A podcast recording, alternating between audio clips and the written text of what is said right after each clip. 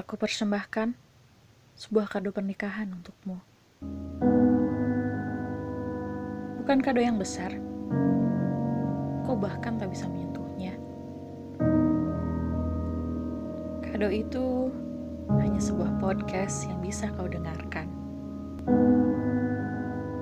Berisikan cerita-cerita tentang kenangan kita. Sejak getaran itu terasa, hingga kau hancurkan hatiku sampai mati rasa.